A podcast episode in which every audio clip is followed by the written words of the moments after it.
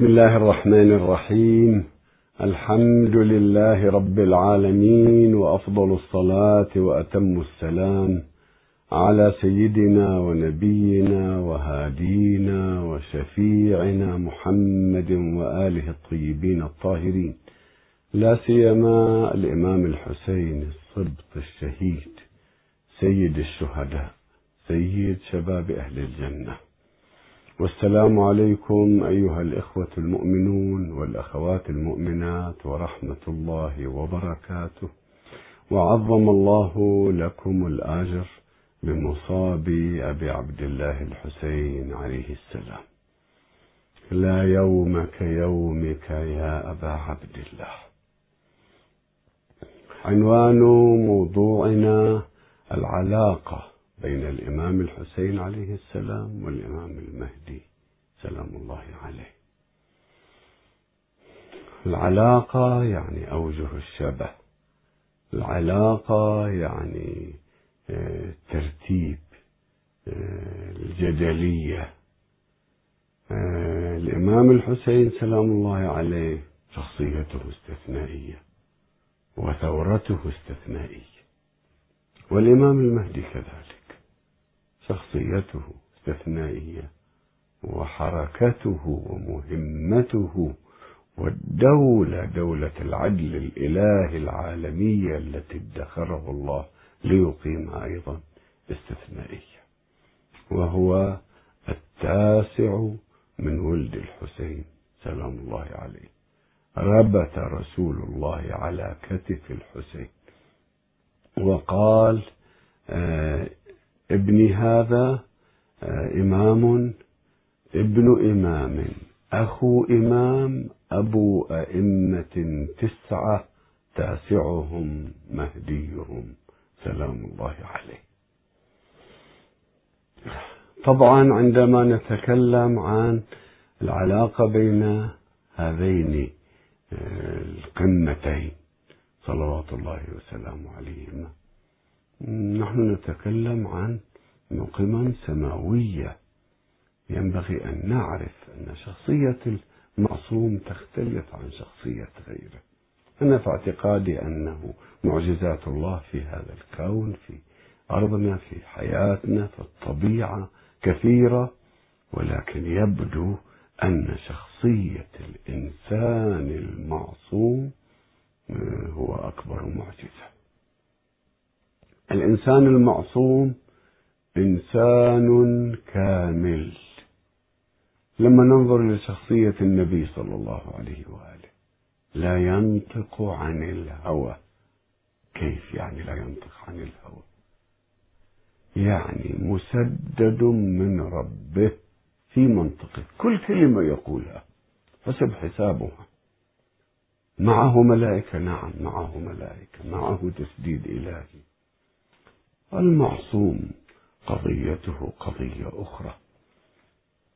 كل الأنبياء والأوصياء المعصومين شخصياتهم مميزة لكن نبينا وأهل البيت عليهم السلام أيضا مميزون حتى على الأنبياء والأوصياء. المعصوم إنسان كامل أعلم الناس أقرب الناس إلى الله. أشجع الناس أتقى الناس. ونحن نعتقد أنه منزه حتى قبل البعثة حتى قبل الإمامة. منزه معصوم من صغره قبل البعثة وبعد البعثة قبل الإمامة وبعد الإمامة عن صغائر الأمور وكبائرها في تبليغه وعمله في الأمة وفي أموره الشخصية. معصوم حتى عما لا يناسب شخصيته ولو لم يكن حراما لا يليق لا يناسب. الله ينزهه عنه. الإمام الحسين سلام الله عليه والإمام المهدي هذه شخصيتهما. شخصية معصومة عصمها ربها. وإذا كان عند المسلمين كلام في الإمام الحسين عليه السلام أنه هل هو معصوم أو غير معصوم. لكن في الإمام المهدي الكل مجمعون على أن النبي سماه المهدي واسم المهدي يكفي لإثبات عصمته. اسم الإمام الحسين عليه السلام أنه لقبه صفته سيد شباب أهل الجنة هذا أيضا ينبغي أن يكفي.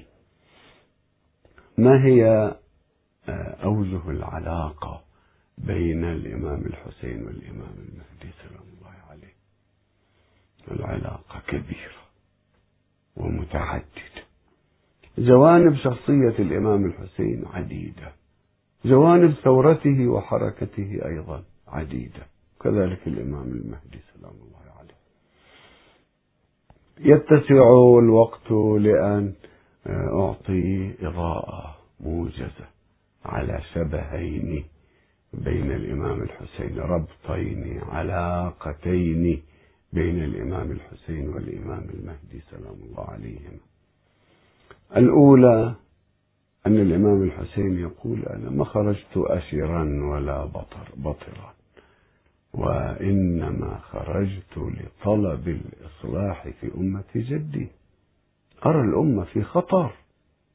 أرى الأمة بعد انتصف قرن من وفاة النبي صلى الله عليه وآله يرأسها خمير سكير فاجر لا يعرف شيئا من الدين ويعمل في الأمة هو وعماله وزراؤه حكامه بهواهم ويضطهدون الناس عمل الفراعنة الفساق.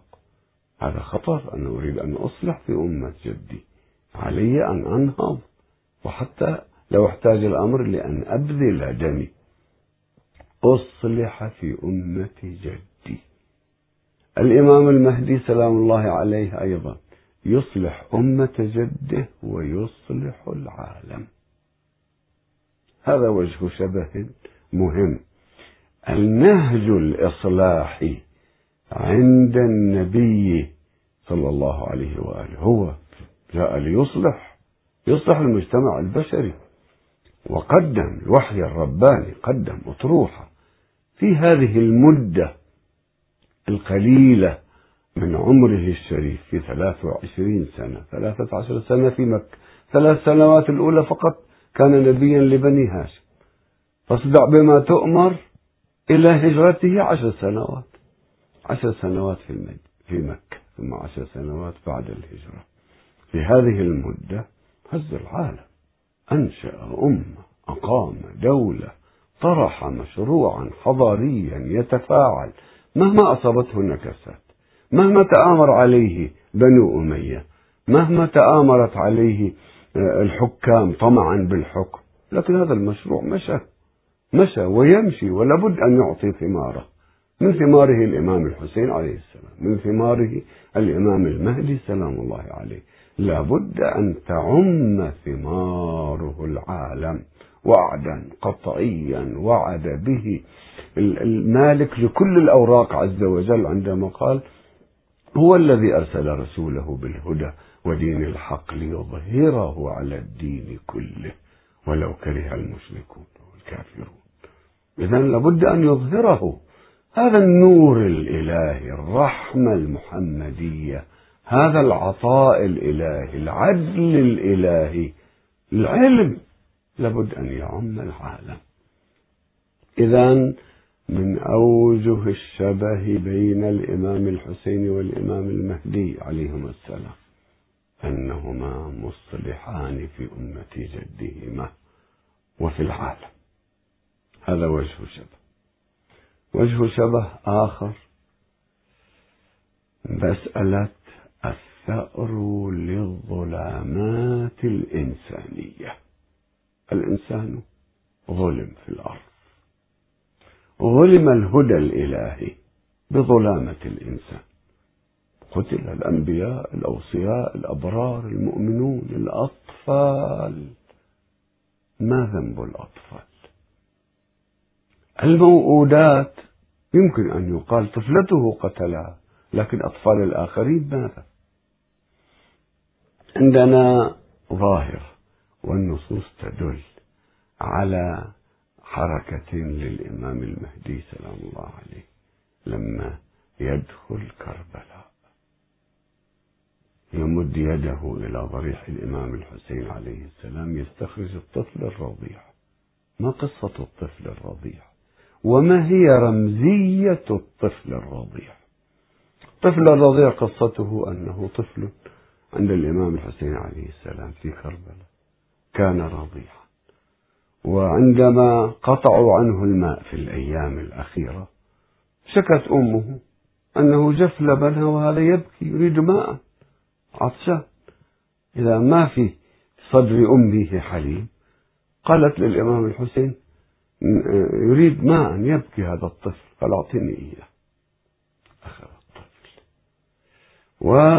وفي أثناء المعركة كانت مبارزة. الإمام الحسين عليه السلام تقدم إلى مقابل جيش يزيد خليفة رسول الله. ومن قائده؟ عمر بن سعد الذي أبوه كان يدير الفتوحات إدارة سياسية طبعا هو لم يكن له فيها. كان الذين يعملون القادة الميدانية تلاميذ علي بن أبي طالب الذي يدير سياسيا غيرهم. تقدم الحسين عليه السلام. راكب. ورفع طفله على يديه. وخاطبهم. أنه ما ذنب هذا الطفل الرضيع. أنتم اسقوه ماء فليأتي أحد يأخذه مني. اسقوه ورجعوا لي لا تسقوني أنا. لا تسقوا الكبار. ما ذنب هذا الطفل؟ وأخذ يخاطبهم. أثر هز فيهم مهما كان الإنسان مجرما يبقى فيه أوتار تتحرك وتتحرك بعطف إنسانية فيه بقايا إنسانية. عمر بن سعد مرة بكى لما خاطبته زينب سلام الله عليه بكى ولكن مصر. هؤلاء أيضا مصرون. ماذا قال عمر بن سعد لحرملة بن كاهل؟ عنده رامي هداف جيد. قال يا حرملة أقطع نزاع القوم. بعضهم يقول اسقوه خذوا طفل الحسين الرضيع ما ترونه؟ هو جاي رافع في بين يديه يقول خذوه اسقوه شربة ماء ورجعوه لي. والآخرين يقول لا لا تسقوه. أهل هذا البيت حتى يموتوا عطشا أهل بيت من هم؟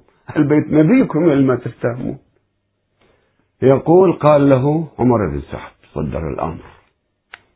يا حرملة أقطع نزاع القوم. يلا هدف.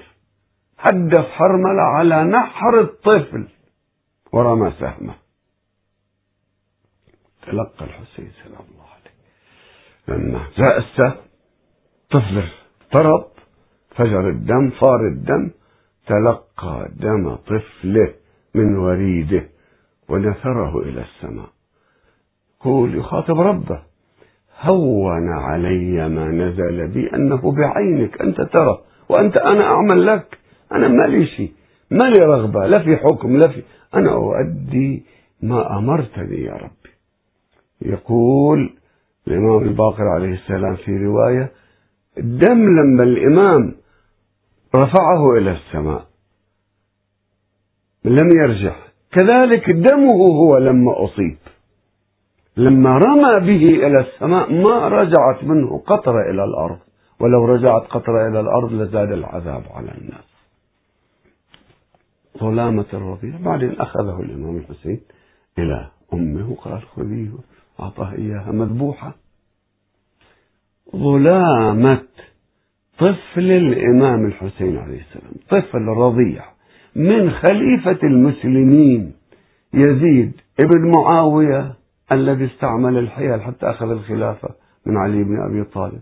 ابن أبي سفيان اللي 23 سنة عاد النبي صلى الله عليه وآله وأخيرا اضطر أن يخلع سلاحه ويرفع يديه ثم دخل في الإسلام حتى يكيد من الداخل ويأخذ سلطان محمد صلى الله عليه وسلم ظلام الطفل الحسين عليه السلام من هؤلاء ماذا تعني؟ ماذا ترمز؟ في الحسين عليه السلام تجمعت ظلامات الأنبياء والأوصياء كلهم. هو رمز للظلامات ولذلك صار ثأر الله في الأرض. يعني الله عز وجل له حق عند طغاة الأرض فراعنتها ظلمتها مجرميها نعم له حق. هذا الحق الإلهي اللي ظلموا أنبياء أو أولياء والمؤمنين عبر التاريخ وقتلوهم وما زالوا إلى عصرنا.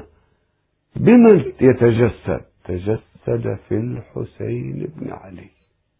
لذلك لما نزل جبرائيل على النبي صلى الله عليه وآله يبكي في مجلس تعزية هو وجبرائيل فيه ويرويه الشيعة والسنة.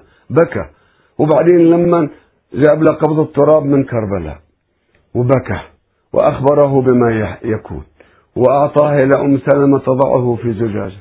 خرج إلى أصحابه والرواية من مصادر إخواننا خرج إلى أصحابه كلهم يا أصحابي ويخبرهم ماذا سترتكبه الأمة لتنتمي إليه وهي بريئة منه وهو بريء منها. يخبرهم ماذا يجري على الحسين في كربلاء وكيف أن أمته ستقتل ابنه في كربلاء. قرأ لهم. أخبرهم وبكى هذا مجلس تعزية أيضا على الحسين عليه السلام. بعد أخبر النبي صلى الله عليه وآله الأمة بأنها هكذا ستنحرف.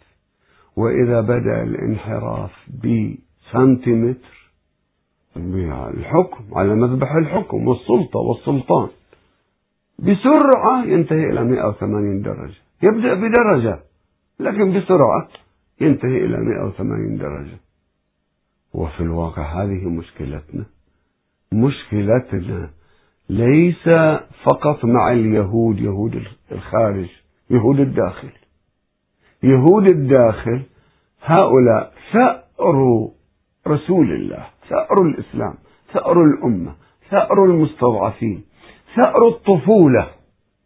الطفولة رضيع الإمام الحسين عليه السلام رمز لكل رضيع في التاريخ لكل رضيع يأتي لأطفالنا اليوم. أطفالنا اليوم رمزهم طفل الإمام الحسين عليه السلام.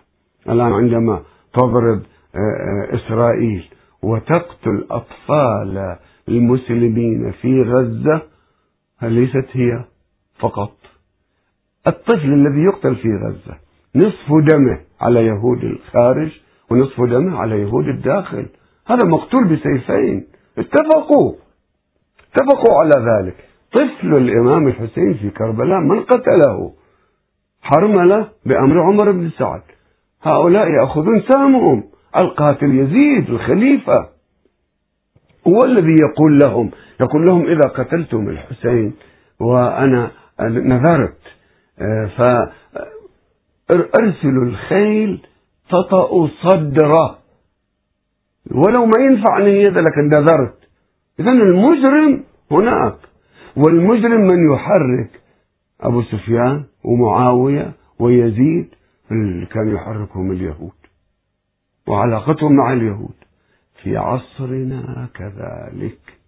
في الواقع مشكلة هذه الأمة ظلامة طفولتها ظلامتها ظلامة العالم. هم من المفسدين في الأرض ومن الخارج والداخل شركاء على حد واحد. والله عندما أنظر إلى أطفال في غزة يقتلون أعرف أن دم هؤلاء في رقاب من ساعد إسرائيل من يهود الداخل. حكام حكام لكن يهود يهود الداخل أشر من أولئك اليهود أرحم ذولاك أرحم. هؤلاء اليهود الطاقم اليهودي الذي يحكم إسرائيل أكثر شفقة ورحمة من يهود الداخل. وهكذا الإمام الحسين عليه السلام يريد أن يري الناس أنه انظروا إلى أعداء الإنسانية أعداء الطفولة أعداء البشرية هو وطفله صار ثأر الله في الأرض. الله يريد أن ننتقم لهذا الطفل. ثأر الله في الأرض يعني تجمعت ظلامات الأنبياء وأبناء الأنبياء في الإمام الحسين عليه السلام. من يأخذ هذا الثأر؟ يأخذه الإمام المهدي سلام الله عليه بأي شيء يؤخذ هذا الثأر؟ ثأر قتل الطفل. ثأر قتل الهدى. قتل الحق. قتل الإمام المعصوم. ابن بنت رسول الله قال عنه رسول الله سيد شباب أهل الجنة. نعم نحن نريد سيد شباب أهل النار نقاتل به سيد شباب أهل الجنة ونقتل سيد شباب أهل الجنة. هذا الجبروت. وهذه مشكلة الأمة سابقا والآن. الآن عندنا يهود الداخل نفس الشيء. الإمام المهدي سلام الله عليه يأخذ بثار الله في الأرض. ولا يؤخذ بثأر الله حتى يجتث الظلم كله من الداخل والخارج. والإمام المهدي سلام الله عليه يبدأ بتطهير الأمة من الداخل يبدأ بيهود الداخل ثم باليهود الذين يقفون في وجهه وثم تنفرش تنفرش. إذا قضى على أعدائه يهود الداخل والذين يشكلون سدا يحمي إسرائيل. انتهت إسرائيل تنتهي ويدخل القدس الإمام. يدخل القدس يعني بعد معركة دمشق التي التي يتجمع بها في عصره النواصب ويهود الأمة بعدها يدخل القدس براحته. حينئذ الروم أسهل. أمرهم أسهل. الله عز وجل ينزل عيسى عليه السلام ويعطي مهلة للروم. حتى يعقد اتفاقية سلام بين الإمام المهدي والروم ويتفقون والإمام سلام الله عليه الموجة الشعبية له في المنطقة كل البلاد العربية والإسلامية بيده يبني دولة جامعات علوم ينشر العلوم غيره وعيسى عليه السلام يعمل في المجتمعات الغربية سبع سنين. في هذه الفترة الروم كثير منهم يكونون. مع عيسى ومع الإمام المهدي سلام الله عليه. بل أكثرهم وعندنا حديث عن الإمام الصادق سلام الله عليه يقول الروم خير لنا من بني أمية. الروم كفروا ولم يبغضونا وبني أمية كفروا وأبغضونا. يعني مشكلة بني أمية ما يحبون أهل البيت. هل عداء لأهل البيت عليهم السلام هو كفر مضاعف؟ إخواني الأعزاء الإمام المهدي سلام الله عليه عندما يدخل إلى العراق وتستقبل الملايين. وهناك فئتين يخرجان عليه بسرعة ينهيهم ويصفي العراق. عندما يصل إلى كربلاء وروح له الفدا يصل إلى كربلاء وكيف يزور جدة وكيف تزوره الملايين؟ هنيئا للذاهبين إلى أبي عبد الله. هنيئا للمتنفسين عبق قبر الإمام الحسين عبق تربة كربلاء. كيف يزور الإمام؟ كيف يخاطب جده الإمام الحسين عليه السلام؟ كيف يدخل إلى حرم الإمام الحسين؟ وماذا يتكلم؟ ثم يمد يده إلى الضريح فيستخرج الطفل الرضيع ليريه إلى العالم بآية ربانية. هذا الطفل المذبوح بسهم ما ذنبه؟ من الذي أجرم؟ من الذي يؤيد بني أمية؟ من الذي يؤيد يزيد؟ من مع هذا الطفل؟ ومن مع قاتل هذا الطفل؟ ثقوا بأن هذا الفرز الآن في الأمة يتم هناك أناس مع قاتلي أطفال غزة مع قاتلي أطفال جنوب لبنان مع قاتلي أطفال العراق.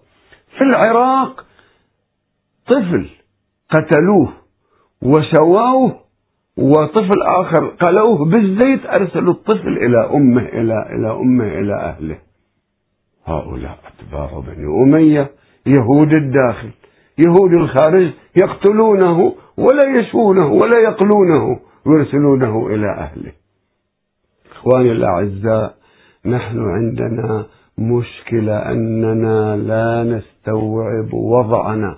وضعنا الداخلي البلاء من وضعنا الداخلي. المصيبة من الخط الأموي من الفكر الأموي من الحاكم الأموي من الظلم الأموي من الاضطهاد الأموي من يهود الداخل الذين يتعاونون وهم يحثون يحثون يهود الخارج اضربوا اقتلوا. إلى هذا الحد. هذه علاقة هذا وجه وجه من أوجه الصلة آه، بين الإمام الحسين والإمام المهدي سلام الله عليه. هو الآخذ بثأر جده أبي عبد الله والإمام الحسين ثأر الله في الأرض. بعضهم يستكثر يقول كيف؟ لو تستوعب تتعمق في آيات القرآن لعرفت أن ثأر الله في الأرض عند الظلم والطغاة. يرون بعض الأحاديث تقول أن الإمام المهدي يقتل ذراري قتلة الحسين عليه السلام بفعال آبائهم. قلنا هذا ظلم ولا تزر وازرة وزر أخرى. والإمام مهدي من ربه. أنتم تقولون مهدي يعني محال يرتكب ظلما. من يقتل؟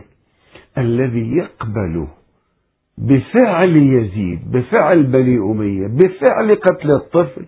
هؤلاء أتباعهم يقبلون يقبلون. الآن الآن إذا تسأل أنت من يؤيد بعض حكام العرب تقبلون بقصف غزة؟ يقول يقبلون. قتل الأطفال. مهم. يعني يقبلون. نعم هذا النوع يقتله الإمام المهدي سلام الله عليه لأنهم رضوا بفعال آبائهم. العملية الجراحية في داخل الأمة يقوم بها أولا الإمام سلام الله عليه ويدخل القدس. متى يكون ذلك؟ نحن على يقين يقين بأنه آت لا محالة. وعد الله. متى؟ الله يعلم متى. نأمل أن يكون قريبا. نعم كل المؤشرات والعلامات تكون قريبة. هذا الوضع الذي وصل إليه اليهود الآن هو من العلامات. اليهود الله تكفل فيهم من الداخل. ألقى بينهم العداوة والبغضاء إلى يوم القيامة. الآن دايخين متحيرين. هل يدخلون في معركة آه، معركة آه، قتالية أرضية في الأرض آه، بدخول الجيش أم لا؟ متحيرين فيما بينهم متصارعين وفي مقابل المقابل لحم ودم المسلمين لا يستطيعون أن يتقدموا. إخواني الأعزاء لا شك بأن عصرنا عصر أهل البيت عليهم السلام. ها هو الإمام الحسين وطفله يخيم علينا في عاشورائه. نحيي عاشوراءه في أرجاء العالم لأنه إمامنا ابن نبينا سيدنا. نحيي عشرة أيام يستكثرون علينا عشرة أيام. يستكثرون علينا سيرة الإمام الحسين. سيرة الإمام الحسين هي سيرة هذه الأمة. حية وستبقى حية حتى يظهر وارثه وولي دمه والآخذ بثأر الله الإمام المهدي أرواحنا فداه وعجل الله فرجه. إن شاء الله بعد الفاصل نجيب على أسئلة. مجموعة أسئلة منها سؤال من الأخت أم مهدي. تقول أنك أنت ذكرت أن بني هاشم كلهم يكونون مع الإمام المهدي سلام الله عليه وأنه يجمعهم. لا ما قلت يجمعهم. عندنا النص هكذا. النص أنه تجتمع عليه بنو فاطمة. وهذا من علاماته سلام الله عليه. وبحديث صحيح. تجتمع عليه يعني يؤيدونه. كلهم يؤيدونه. من هم؟ كل من صح نسبه إلى الزهراء سلام الله عليها. موقفه يكون التأييد للإمام المهدي. تأييد. وحتى لو كان غير مسلم مهما كان مذهبه أو دينه كأنه رحمة به. رحمة بذرية الزهراء سلام الله عليها. لانتسابهم إليها أنه يوفقهم لموقف تأييد الإمام. تأييد الإمام لا يعني أنهم صاروا من أهل الجنة وما يعني أن الإمام يجمعهم. معناه أن بني هاشم في العالم مؤيدون للإمام سلام الله عليه وهو يوجههم وفيهم درجات وفيهم ناس يواصلون فيهم ناس ما يواصلون أنواع. تقول الأخت في سؤالها أنه بعضهم هم يتكل أنه أنا من ذرية الزهراء سلام الله عليها فإذا أنا مع الإمام المهدي. وإذا إذا ظهر نعم إن شاء الله أنت مؤيد للإمام لكن بأي درجة؟ وراح تثبت أم لا؟ وتسأل أنه هل يقيم الحد الإمام؟ مشي عليهم القوانين الشرعية. وأما على الذين ارتكبوا معاصي قبل ظهوره ما يقيم الحد من تاب تاب الله عليه وظهوره كأنه يجب ما قبله. والحد ما يقام في حدود الآخرين حقوق الآخرين إلا إذا طلب أصحاب الحق.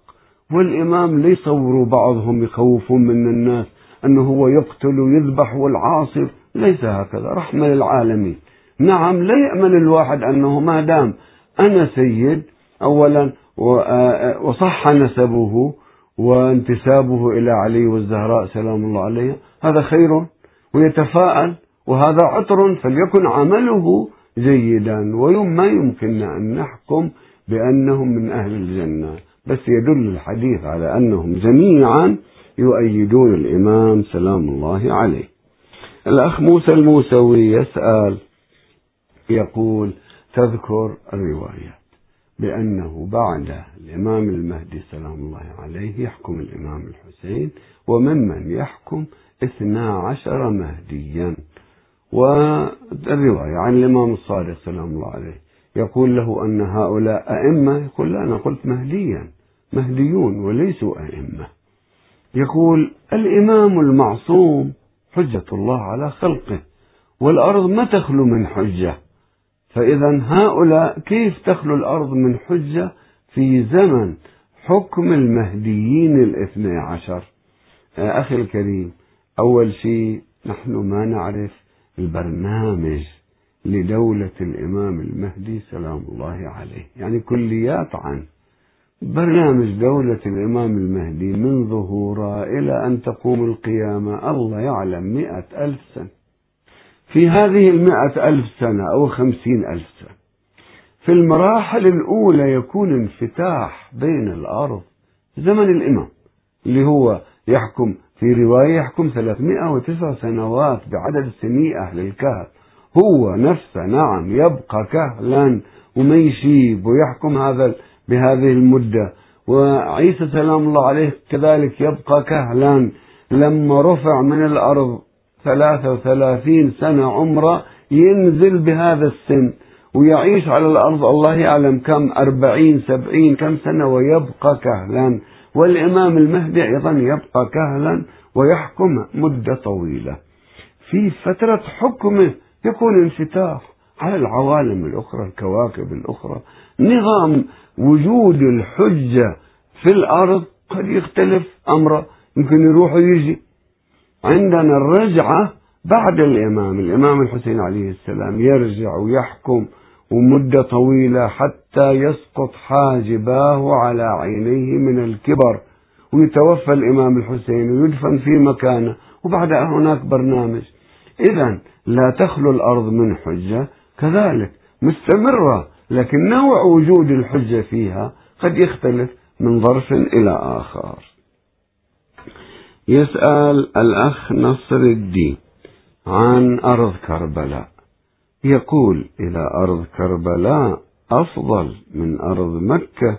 إذا نحن لماذا نحج؟ نزور كربلاء فقط. هذا الإشكال يرد على كل المذاهب الإسلامية. كلهم يقولون تربة رسول الله صلى الله عليه وآله أفضل من الكعبة لأن هو أفضل الخلق. تربة المدفون فيها أفضل الخلق. إذا زور المدينة وبلاش كعبة. ليس الأمر هكذا أخي. كل شيء له شيء. أرض كربلاء جزء من تربة رسول الله صلى الله عليه وآله. أفضلية نعم. إذا لما تقول لما عندنا حديث متفق عليه بين الشيعة والسنة أن حرمة المؤمن أعظم من حرمة الكعبة. إذا قل أنا أتجاوز على حرمة الكعبة وما أتجاوز على حرمته ليس الأمر هكذا. كل شيء إلى حسابه والكعبة لها أحكامها مدينة لها أحكامها وكربلاء لها أحكامها. الأخ أبو زهرة الزيدي من النجف تفضل. تفضل أبو زهرة. الأخ أبو زهراء تفضل شيخنا الدليل يوجد فيه آلام ما جاي أسمع لك.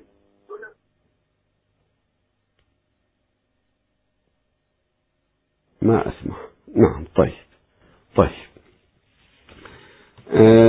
إذا نحن نقول أن كربلاء لها فضلها والمدينة لها فضلها ومكة لها فضلها ولبقاع الله عز وجل لها فضلها ولا يعني آه، أفضلية بقعة على بقعة أنه في كل شيء آه، لازم نترك ذيك ونتبع هذه لا. الصلاة إلى الكعبة.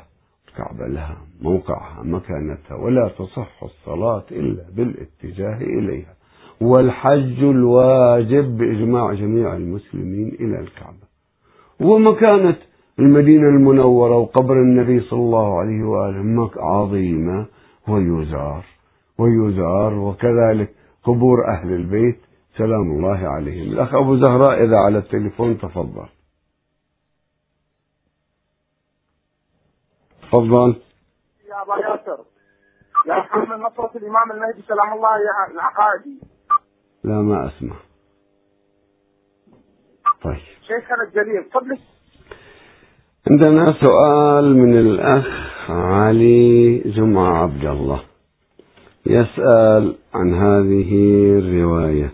ليرويها أبو جعفر المنصور. أبو جعفر المنصور في مطلع أمر بشبابة كان طالب علم. وكان يروح من منطقة إلى منطقة ويكتب الأحاديث. وبعدين صار والي الأهواز كان والي يميل إلى العلويين زمن بني أمية وإلى بني هاشم وشغل آه، فترة شغل أبو جعفر المنصور وأخوه على الخراج واتهم بأنه أخذ الخراج حبس فترة في الأهواز وبعدين طلع أو خرج من السجن. واتشرد. آه، في الآن على التليفون تفضل. تفضل أخ أبو زهراء. حفظهم الله لكم الأجر يا أبا ياسر. الله يحفظك ويعزك حياك الله. يا حامل لواء نصرة الإمام المهدي سلام الله عليه العقائدي. صلوات الله عليه الله يبارك فيك شكرا لك. شيخنا الجليل يوجد عندي سؤالان. الأول.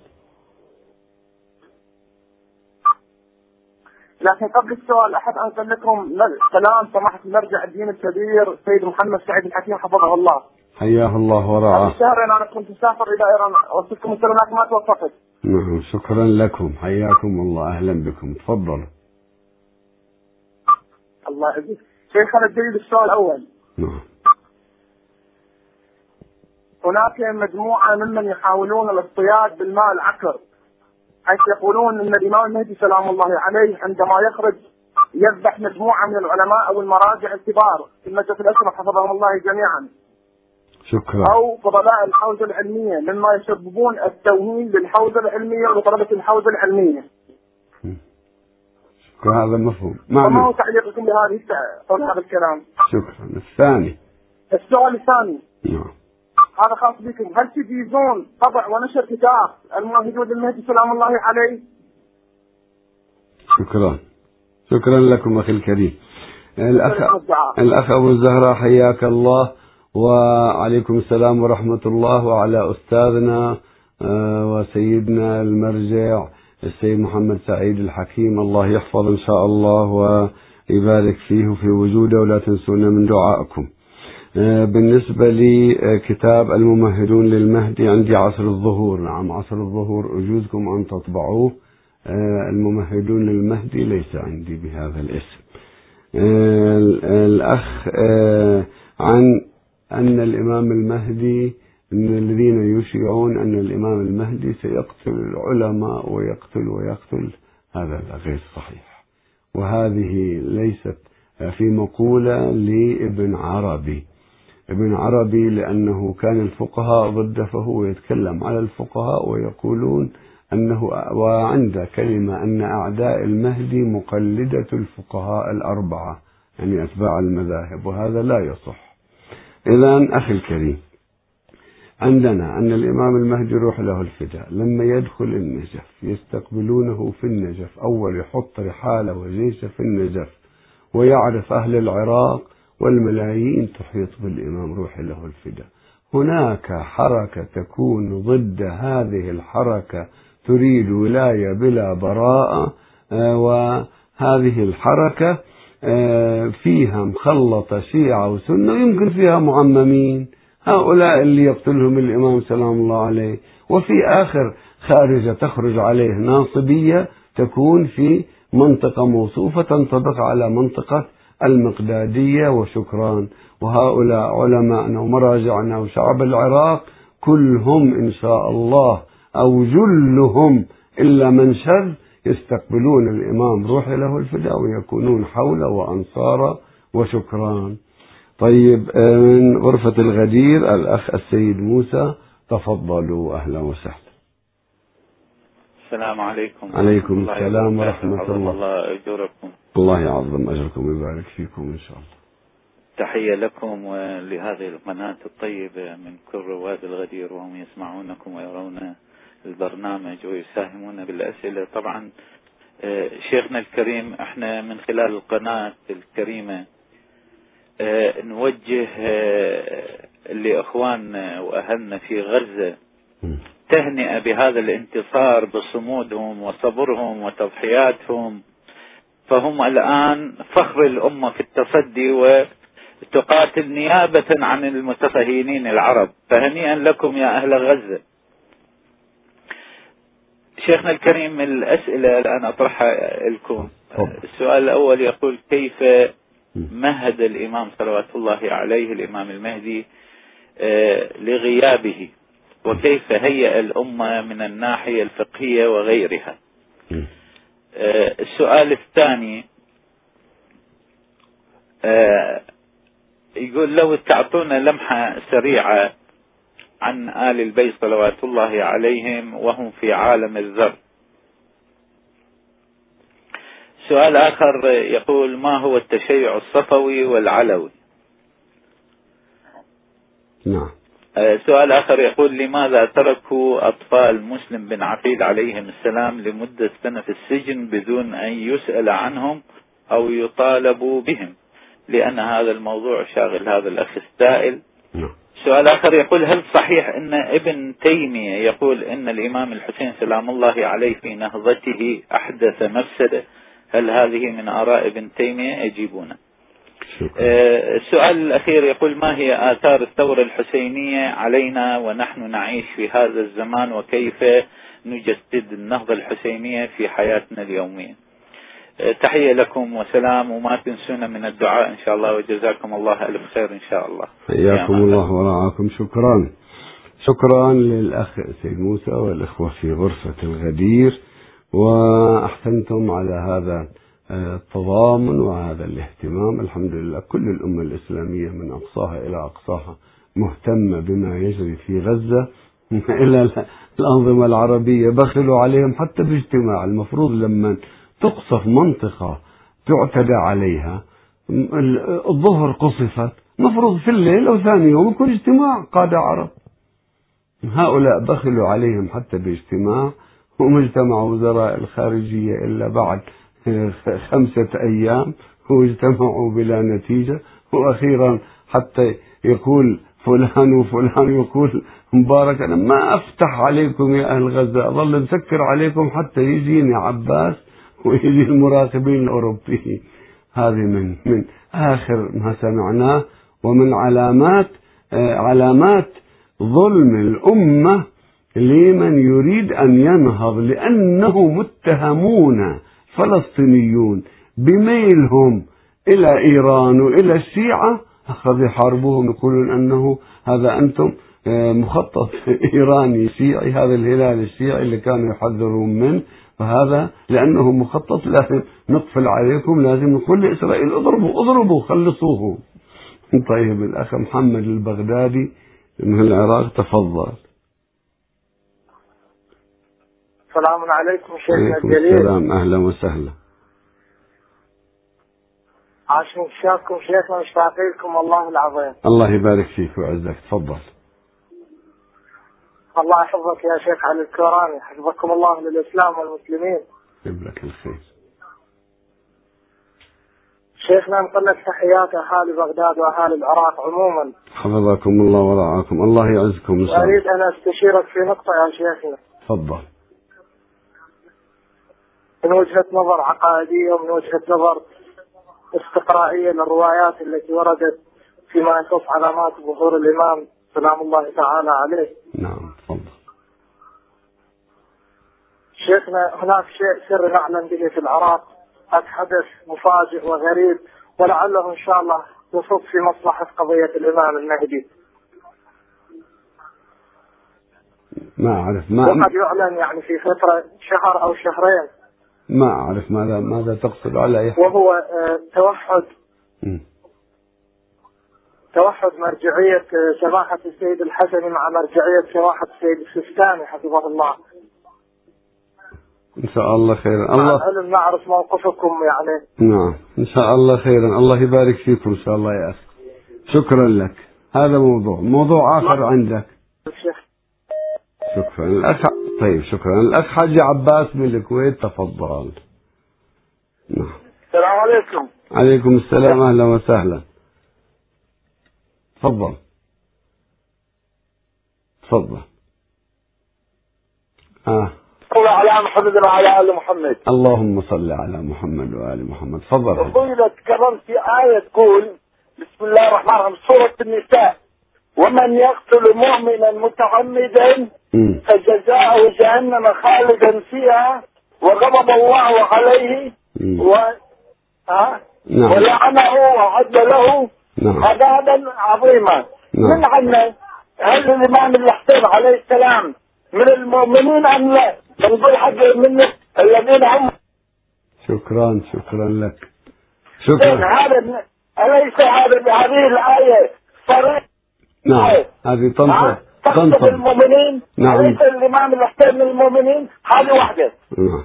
نعم. هذه لازم دائما إن إحنا نذكرها ونحط الآية هذه في الاحسانيات اللي موجودة. هذه سند كبير وسند للإمام الحسين والإمام علي عليه السلام والإمام الحسن عليهم السلام جميعا. شكرا. جميع الشهداء الذين استشهدوا في سبيل الله. شكرا. هذه. واحدة أخوي. نعم. إحنا ليش؟ إذا ثاني. ذكرت الثاني. إذا ذكرت في السؤال. ثانية تفضل. نعم. مثلا آه، الحين بمحرم الحرام. يعني السنة السنة الهجريه ال- الجديدة هذه. ليش ما نذكر ها بالحسينيات هذول؟ جرائم أبو سفيان خلوا الناس تفهم.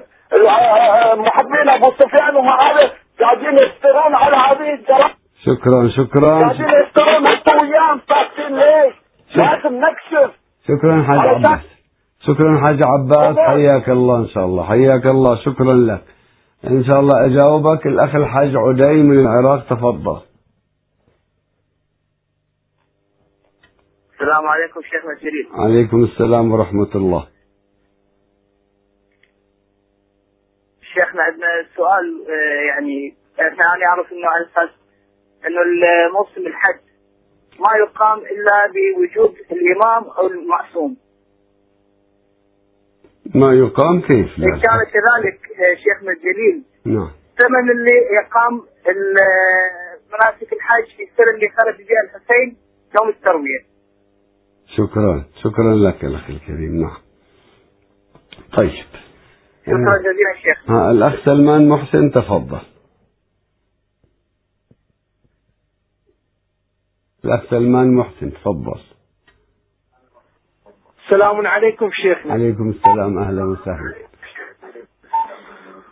شيخنا طالب من عندك رأيك بموسوعة السيد محمد صادق الصدر قدس الله سره.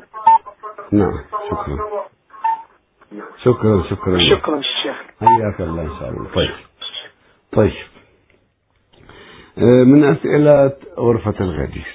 كيف مهد الإمام لغيابه الجواب أنه نحن نلحظ أن النبي صلى الله عليه وآله والأئمة كلهم مهدوا لغيابه وأخبروا أن الثاني عشر ستكون له غيبة ثم خبرونا غيبة طويلة وغيبة قصيرة غيبة قصيرة ثم غيبة طويلة. وحتى بلغت أحاديث غيبة الإمام الثاني عشر قبل ولادته بلغت أحاديثه من الكثرة بحيث أن الفضل ابن الشاذان أحد الرواة ألف كتابا في غيبة الإمام المهدي سلام الله عليه قبل ولادته. هذا أيضا تمهيد.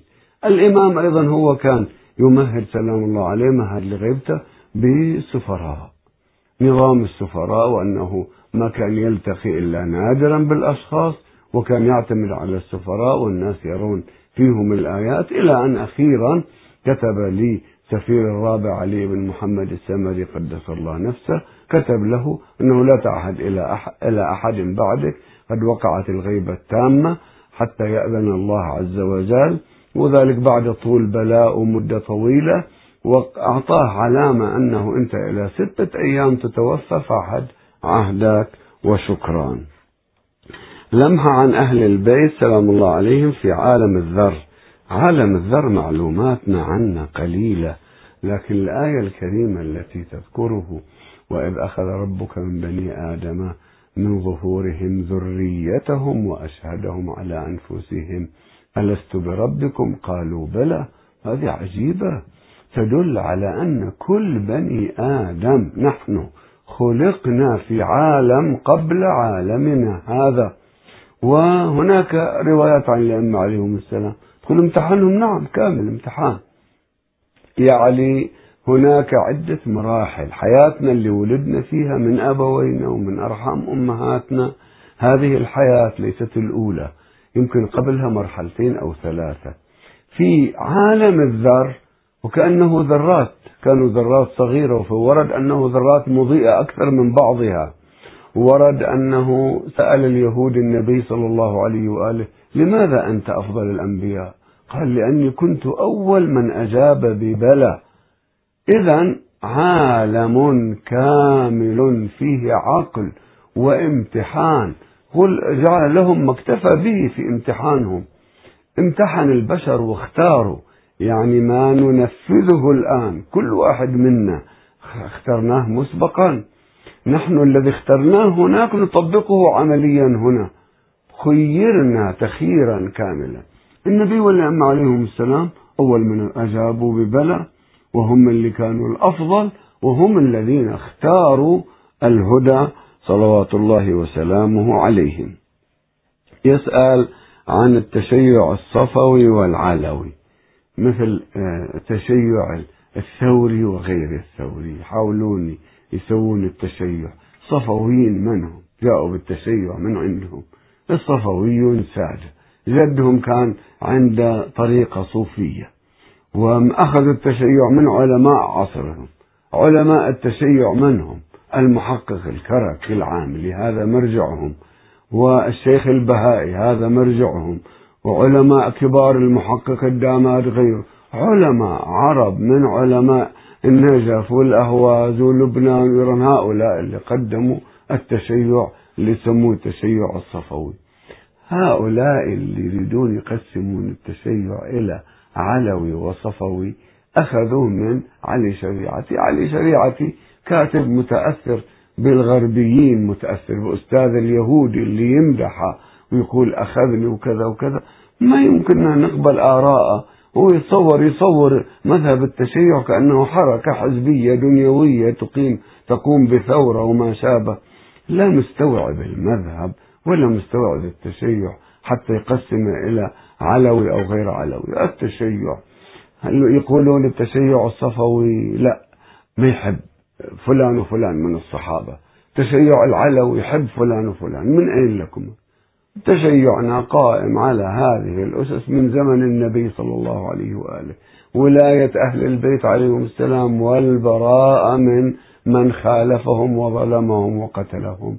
ولاية وبراءة قائم الإسلام قائم على الولاية والبراءة والتشيع نوع واحد لا يمكن تقسيمه إلى علوي وصفوي أو غيره. نعم هناك أشخاص يتعايشون هناك أشخاص لا هذا تفاوت في حالات الأشخاص وليس في المذهب وشكرا. لماذا تركوا أطفال مسلم في السجن؟ في ال... أنا اللي أقدر من قضية أطفال مسلم أنهم أخفاهم بعض الناس. أخيرا عرفت السلطة بهم. أنهم من مساجين كربلاء. بعدين السلطة عرفت فيهم. وكان هناك تستر على هذين الطفلين وقتلهم آه، شامي لعنه الله قتلهما. بعدين آه، ابن تيمية ماذا يقول في ثورة الإمام الحسين عليه السلام؟ نعم عنده هكذا. وعنده ضد نقيض وعنده يقول أنها كانت مفسدة وكان لازم يسمع لإمام زمانه لحاكم عصره إلى آخره. مع الأسف هذا ابن تيمية. هو يحب بني أمية ويحب يزيد ويحب معاوية. فإذا مهما أمكن لأنه الإمام الحسن يحب أكثر لأنه ما ثار وسلم الحكم. والإمام الحسين ثار. وكل من يخضع لأسياد بني أمية يحب أكثر. ونعم وحكموا عليه بأنه ناصبي لبعض كلامه في أمير المؤمنين عليه السلام. ولهذا الكلام عن الإمام الحسين سلام الله عليه.